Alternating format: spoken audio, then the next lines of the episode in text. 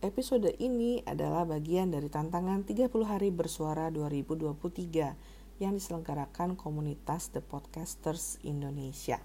Halo, di hari ke-12 bulan Desember ini saya kembali dengan tema baru, kebahagiaan. Oh ya, saya Rijo dari podcast Randomness Inside My Head ya. Uh, podcast ini bicara tentang Korea, uh, poetry, dan review. Jadi apa yang mau saya bahas tentang kebahagiaan ya? Ada kebahagiaan, ada kesenangan, ada sukacita. Bagaimana membedakan semua itu? Menurut saya sendiri, kebahagiaan itu berkaitan dengan rasa cukup. Saya cukup makan, saya bahagia. Walaupun makanan itu mungkin tidak mewah, cuman nasi dengan tahu dengan sambal, tapi saya suka. Jadi saya bahagia saat makan itu. Saya bahagia karena saya punya tempat tinggal. Saya bahagia karena punya keluarga.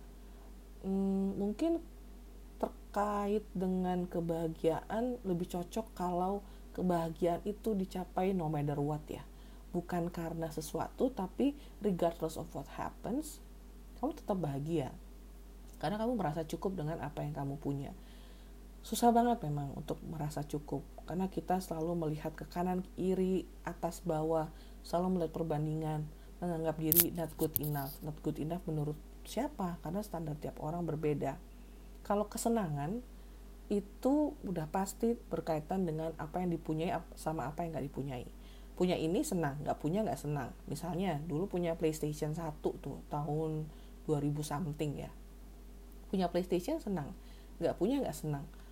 Tapi kalau itu menjadi patokan apakah dengan nggak punya PlayStation nggak senang tapi otomatis jadi nggak bahagia? Kan nggak juga.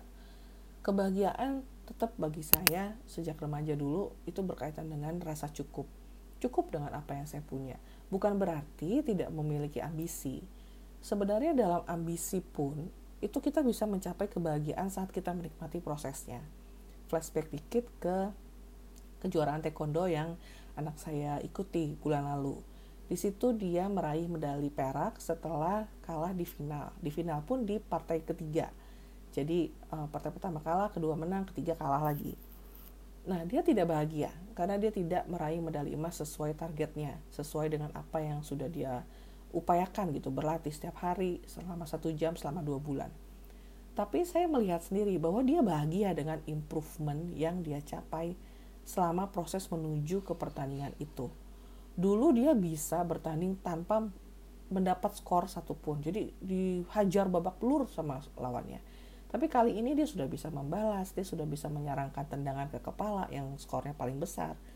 Dia sudah improve, jadi dia melihat dirinya itu lebih baik dan dia bahagia dengan progres dirinya.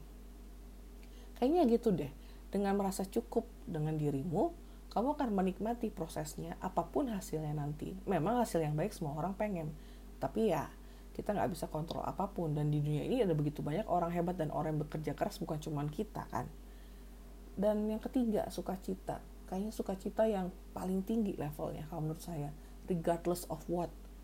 Mau hujan badai gempa bumi apa tetap bahagia. Tetap sukacita. Tetap berserah. Iya ya kayak sukacita itu kaitannya dengan berserah. Bahwa ada yang memegang hidup kita bahwa kita nggak sendirian bahwa kita ada di sini itu planned. Dan oleh karenanya kita nggak perlu takut karena apa pun. Selalu ada hari depan yang penuh harapan hmm, apa makna kebahagiaan buat kamu. Kalau buat saya sekarang saya bahagia kalau saya bisa tidur nyenyak. Iya akhir-akhir ini saya sering insomnia. Hmm, kebanyakan pikiran apa ya? Baik yang dipikirin tapi baik juga dilakuin kok. Uh, saya akan senang kalau saya bisa lulus ujian bahasa Korea di level Sejong 6, level terakhir yang saya jalani. Saya akan bahagia sepertinya. Bahagia banget kalau kelas online bahasa Korea masih akan ada tahun depan. Saya akan sangat senang kalau bisa belajar bersama teman-teman yang sudah berjuang sama-sama sejak level 2 sampai sekarang level 6 saya akan bahagia apa pun cuaca besok apa pun makanan besok saya akan bersyukur.